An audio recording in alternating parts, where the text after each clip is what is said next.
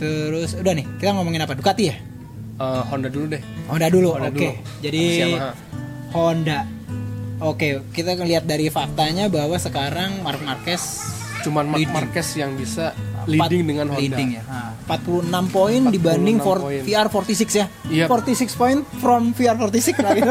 lucu juga dia, dia setelah eh, juara di Sahsering eh, jarak eh, poinnya Gap poinnya 46 poin. 46 poin. Dengan si pembalap nomor 46. Iya 46 dan dia berhasil memperoleh gelar ke-9 dia ya 9 in a row. in a row dari 9 kali Sembilan pole kali position. pole position. Dia cuma ngelewatin orang nomor 99 sama 9 loh. Waduh.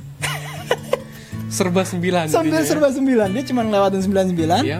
Si Petrucci 99. 99 Lorenzo. Lorenzo sama 9 Sama 9 Petrucci. 9 semua tuh. 9 semua. Waktu di Sansering itu menarik. Untuk mencapai kemenangan yang Kemenangan ke-9 ke-9 dari pole position dari yang pole ke-9. posisi ke-9 di 9 tahun berturut-turut. Di 9 Posisi 9 Sembilan semua semua. Mark Marquez.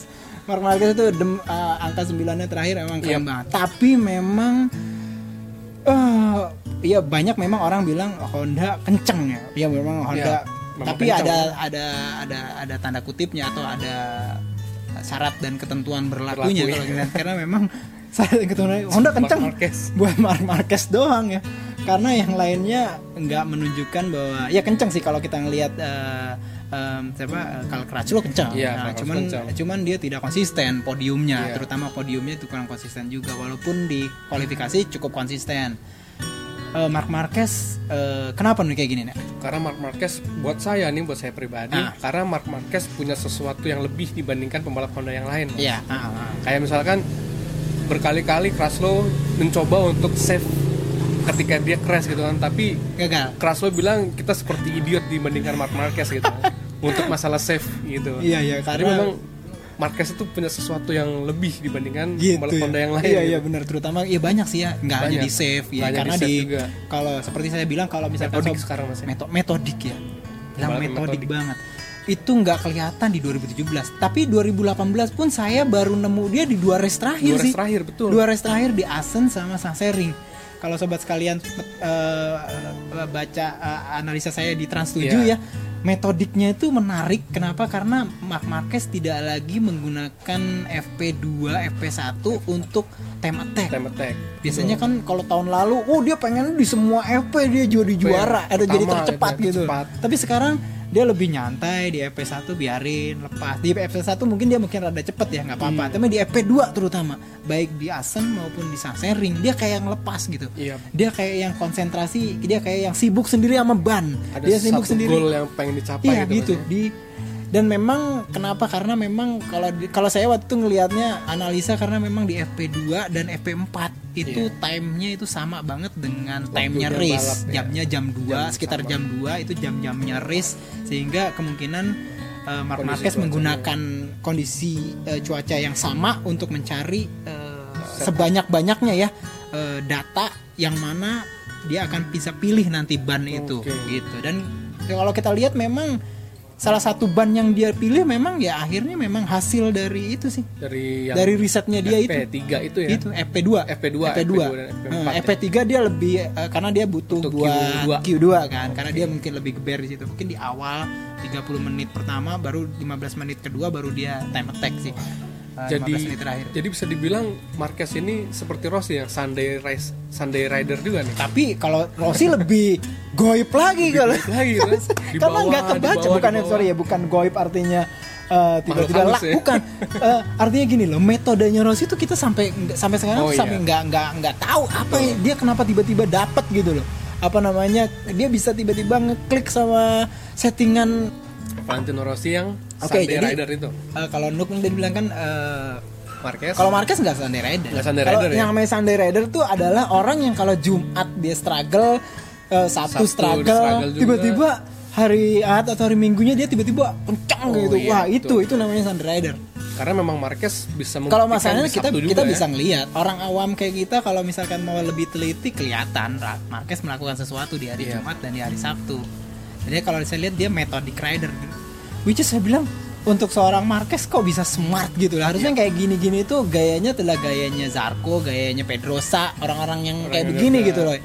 terus mungkin Crutchlow gitu ya orang-orang yang lebih metodik gitu ya cuman untuk seorang Marquez nggak kelihatan tahun-tahun lalu tuh dia kan lalu. ibaratnya kalau Marquez tuh mana motor yang kencang sini gue bawa Iya. buat gitu kan Iya. kalau zaman dulu tuh kayak gitu tapi sekarang dia lebih istilahnya lebih punya metode gitu itu menurut saya sih mungkin karena dia lihat memang persaingan ketat banget sih semakin ketat sehingga dia dia pikir eh, dia nggak mau ambil lagi celah orang untuk untuk berleha-leha kerja keras dari mulai hari Jumat Sabtu dan atau persiapan di masa depan ya mas? Gimana karena masa depan kan kita ngelihatnya Marquez seperti ini kan setelah di Asen, Asen, gitu ya. Ah, ah, Asen ah. Asen ya. Nah, secara kita tahunya uh, Tahun depan? Lorenzo tahun depan ya? Lorenzo tahun depan kan kontraknya diumumkan sebelum Oh. Asen.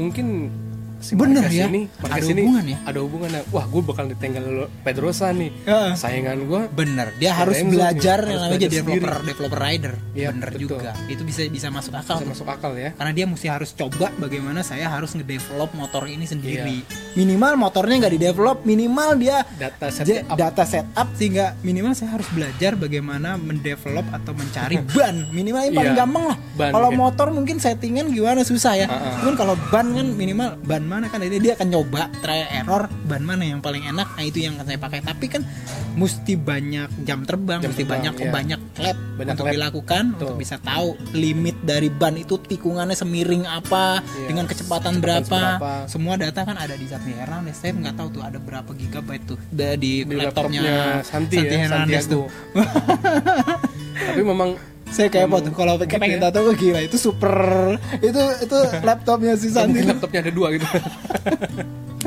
cuman yang dibutuhkan sebenarnya adalah hard disknya sih sebenarnya Oh, laptop iya. sih nggak apa-apa harddisk yang penting Iya. otaknya di situ Jadi ya. gitu tuh, Mark Marquez.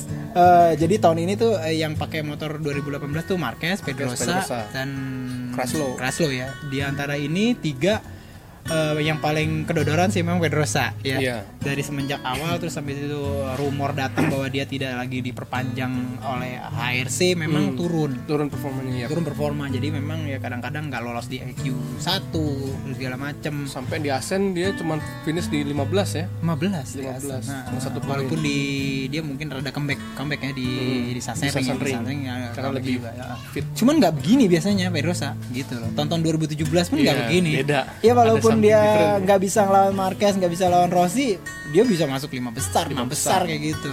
Dan ini nggak kelihatan di Pedrosa.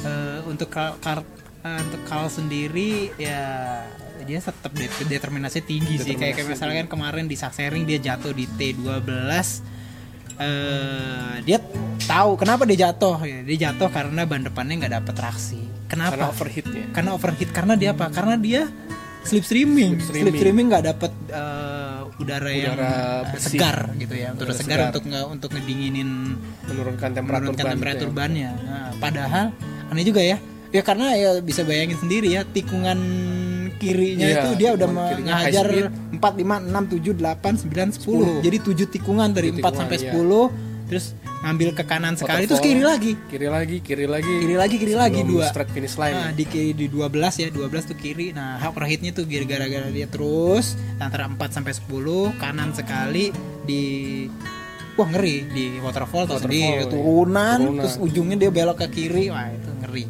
Kan karena beban didistribusikan ke di depan, depan, semua ya. semua terus habis itu depannya bermasalah crash Ah, Jadi dia tapi minimal dia tahu kenapa Tahu. dia crash ya Iya. dibanding orang dia crash gue nggak tahu nih kenapa nih Iya, betul. crash itu lebih bermasalah Lebih lagi. bermasalah. Heeh. Honda kayak gitu jadi boleh dibilang memang eh, Honda ya bagus keren kencang banget tapi cuman Marquez doang Marquez gitu. doang yang bisa Iya, yang bisa memberikan hasil Iya sehingga mau nggak mau memang ini berimbas pada championship team di mana walaupun kita bisa lihat bagaimana hegemoninya Mark Marquez tapi eh, championship eh, Repsol Honda kalah dibandingkan Honda Maverick eh dibanding Movistar Yamaha Ya. di mana Movistar Yamaha walaupun nggak pernah menang ya di Satu tahun. Setahun lebih Setahun gitu kan ya Asen ketemu setahun Asen plus Asen lebih ring. satu seri gitu kan Satu seri, ya. masih belum menang juga dan tapi dua gitu loh kan Iya. orang bingung juga gimana ya kalau bilang struggle podium. struggle tapi dong dua gitu Iya. dan podium mulu gitu mulu. susah memang kayak gitu cuman ya ya itu seperti kita bilang MotoGP itu ngomongnya 0, 0, jadi ngomongin struggle itu ya 0, itu jadi bukannya satu detik dua detik Iya, kayak betul. gitu Honda kayak gitu update apa ya? Honda update-nya kayaknya Honda mulai udah mulai udah mulai ini ya eh, concern di aerofairing yang itu ya yang kayak Yamaha yang- itu ya? ya ya seperti yang kayaknya Yamaha. udah udah fix ya sampai akhir Udah. tahun kayaknya saya lihat pakai itu. Sepertinya bakalan pakai itu di semuanya gitu kan Nah, ya. itu atau Termasuk dia nggak pakai gitu. Iya, atau yang pengen kecil itu yang kecil itu. Nah udah itu doang sih nggak akan perkiraan saya dia nggak akan pakai. Inget nggak dulu dia sempat pakai yang hammerhead? Yang nyobain hammerhead, hammerhead di Sepang. di Sepang ya? Sepang ya kayaknya sih Private kayaknya itu Sepang. hanya untuk iseng doang sih udah untuk coba-coba udah kayak ini ya Yu Martil ya waktu itu ya iya Yu Martin Yu Martil mirip punyanya Ducati Ducati heeh.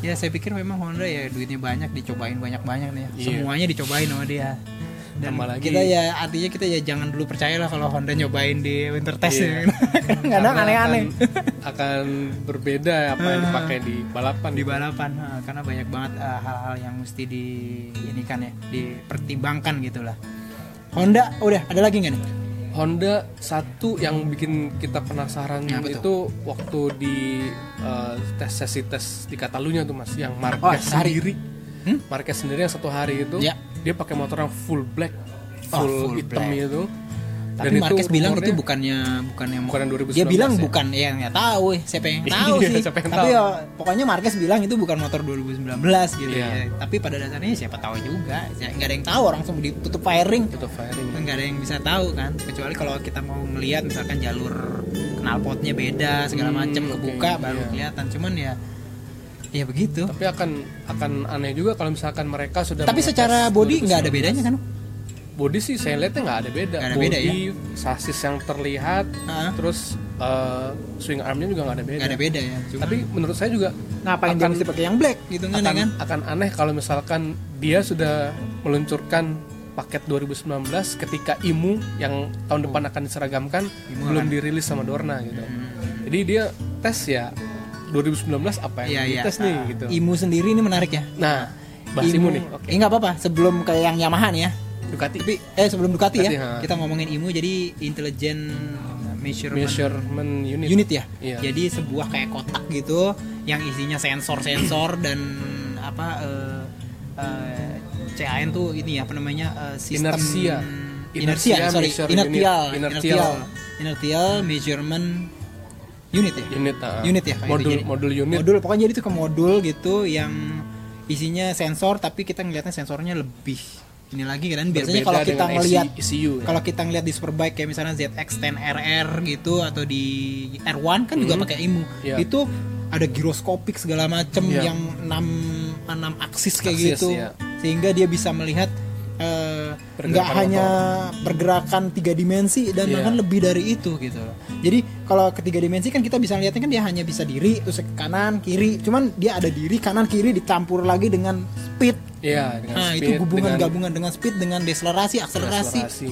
pengereman. Nah, itu Jadi itu seperti di pesawat juga gitu mas. Iya, Jadi misalkan motor ini Mm-mm. inersia, namanya kita Ya, inersia kan inersia. benda Kelembaman. mati, Ah, kelembaman gitu. benda kalau mati lagi yang mati mau diem dia tetap diem, kalau dia diem, lagi kalau- bergerak dia akan terus bergerak. ya terus Gitu. bergerak. Jadi IMU itu buat sobat sekalian yang belum tahu itu dia berbeda dengan ECU gitu kan. Nah, ah. Kalau ECU itu lebih ke elektroniknya Ya, di komputer lah, komputer lah. Dia ah. ngitung semuanya, ngukur komputer di engine-nya tapi kalau IMU itu lebih pergerakan motor jadi Iya.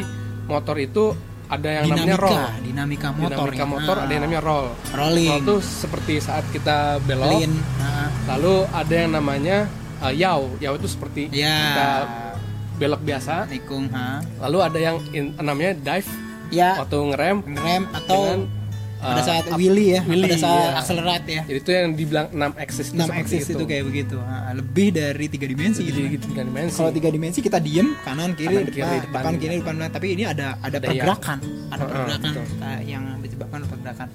Dan ini kenapa uh, Dorna menghadirkan regulasi penyeragaman IMU karena Hmm. memang mereka mensinyalir bahwa pabrikan menggunakan IMU ini sebagai pengganti dari ECU mereka, elektronik mereka. Jadi uh, mencoba mengambil ini karena memang se- sampai sekarang ini IMU ini tidak di homologasi eh Iya. bukan tidak di tidak diseragamkan Tidak tidak, di dibatasi. tidak dibatasi lah Tidak gitu jadi dibatasi. boleh pakai kayak gimana jadi lebih bebas sehingga ditengarai memang menggunakan IMU ini sebagai pengganti, Pengganti. gitu untuk memanipulasi keterbatasan di Betul. isu itu ya Nah, tapi saya saya ngeliat pada saat IMU eh, dibilang sama Hon sama Dorna mau disagramin nggak ada ini ada yang ini nggak ya, ada reaksi nggak aneh-aneh gitu ya antara Honda terutama ya Ah. Honda atau Ducati ya yang boleh dibilang secara secara elektronik tuh boleh dibilang dua yang di atas gitu ya Iya. levelnya nggak ada mereka cuek aja tuh Cuek-cuek aja, Mas. aja kayaknya oke nggak masalah tapi saya juga ini apa bener eh, eh, sinyalemen dari Dorna bahwa Dorna memang ada di IMU ada gitu di ya IMU yang Ah. ngelewatin batas melewati batas dari fungsinya Fungsi- dia gitu dia. sehingga bisa mem bisa memanipulasi algoritmanya dari si isu isu yang pencemar rel ini ya Nah, kita lihat aja sih nanti sih uh, Oke. pada dasarnya dan ya noting tulus juga karena walaupun pada penyeragaman ilmu ya semuanya kena sih. Iya, betul. itu aja sih kalau kita lihat sih mungkin mungkin itu juga atau mungkin mereka juga udah belajar oke imu imu nanti akan seperti isu yang sekarang ya saat ini bisa kita tapi mereka bukan gitu ya. tidak pakai imu masalahnya Iya. tahun depan tetap pakai Tetap pakai cuman IMU, cuman imunya itu di diseragamkan. diseragamkan dan di dan di apa namanya di dikontrol Dikontrol, dikontrol dikendalikan sama sama Dorna, Dorna. sama jadi Oke. dilihat terus kalau misalkan ada perubahan nggak boleh gitu kayak gitu jadi sih, ada update semuanya dapat gitu ya Iya begitu, ada update semuanya dapat gitu. Ya kayak gitu tuh. Jadi Oke. untuk yang update tahun depan ya, eh, ada lagi nggak ya update eh, untuk tahun depan? Kayaknya nggak ada ya. fairing yang harus Fairing ya? nggak boleh dipakai bolt ya Jadi nggak ya. boleh pakai ring fat segala macam. Jadi iya. artinya eh, aero partsnya nggak bisa dilepas pasang. Gitu, seperti kalau- KTM sekarang ya. kalau KTM kan kadang-kadang dilepas, kadang-kadang dipasang, Iya. gitu lah. Lorenzo kadang-kadang pakai yang full naik atau full ke bawah, Bawah, gitu kan. iya. Terus dipasang bongkar-bongkar tuh misalkan kayak Yamaha juga kan bisa dilepas Oh, itunya. iya, bisa dilepas. Bisa dilepas Ah, apa lelenya itu Lelenya, namanya, kumis. eh, inner wingletnya bisa dilepas sehingga cuman fairing gitu doang. Jadi tahun depan nggak bisa. nggak bisa lagi ya Dan lagi-lagi ya cuek aja. Karena aja. memang ya kalau misalkan dipakai ya dipakai terus gitu bagi mereka. Tinggal kalau misalkan lagi nggak dipakai mereka pakai fairing satu lagi yang nggak pakai udah gitu pakai, doang iya. Dan memang nggak terlalu signifikan sih. tapi Ducati juga sempat ketraktir karena mereka udah menginvestasikan banyak Hmm. Iya. di bagian Tapi kan awalnya- dinamika Yang di- dia ketargetirkan adalah dilarang Dilarang. benar-benar dilarang gitu. dilarang, tapi ternyata nggak dilarang jadi menurut saya, menurut saya sih tahun depan mereka akan tetap pakai. terpakai Nah, hammerhead bukan tahun depan Ducati Nah, kita udah masuk Ducati dulu. oke Ducati kita masuk ke Ducati Honda tahun depan Lorenzo, Lorenzo Marquez Marquez, Crutchlow tetap. dan kan Nah. Nakagami Nah, Nakagami. dua dua ini ya, belum ada ya di Belum kayaknya ini penggunaan ininya ya. Nakagami kalau Morbidelli kayaknya pindah, Pirelli pindah pindah. ah. Pernah di Honda. Dan kayaknya Nakagami kemungkinan masih ya. Masih ya? Karena Nakagami juga Honda terakhir dia pakai di, di ini Suzuka Oh, untuk iya. menunjukkan bahwa mereka eh, ya memang masih trust sama Nakagami ya. percaya ya Hmm. kita lihat aja deh ntar tahun 2019 Eh, tapi tinggal slotnya sih tinggal pembalap satelit sih which is nggak Hmm. terlalu Nggak terlalu juga nggak akan ba- bagi heboh. Honda sendiri mungkin nggak terlalu karena mereka akan pakai motor 2018 tetap. Iya. jadi bukan motor baru juga nah kan untuk orang yang menggunakan motor baru udah slotnya udah penuh penuh Lorenzo Marquez sama. Cal, gitu Ducati nih Nuk. Ducati wah yang menurut saya motor terbaik tahun ini Iya, sampai improve 6 banget nih. sampai 9 race menurut saya sih improve banget dibanding improve 2017 dan boleh dibilang sekarang motor itu kencang di semua semua track.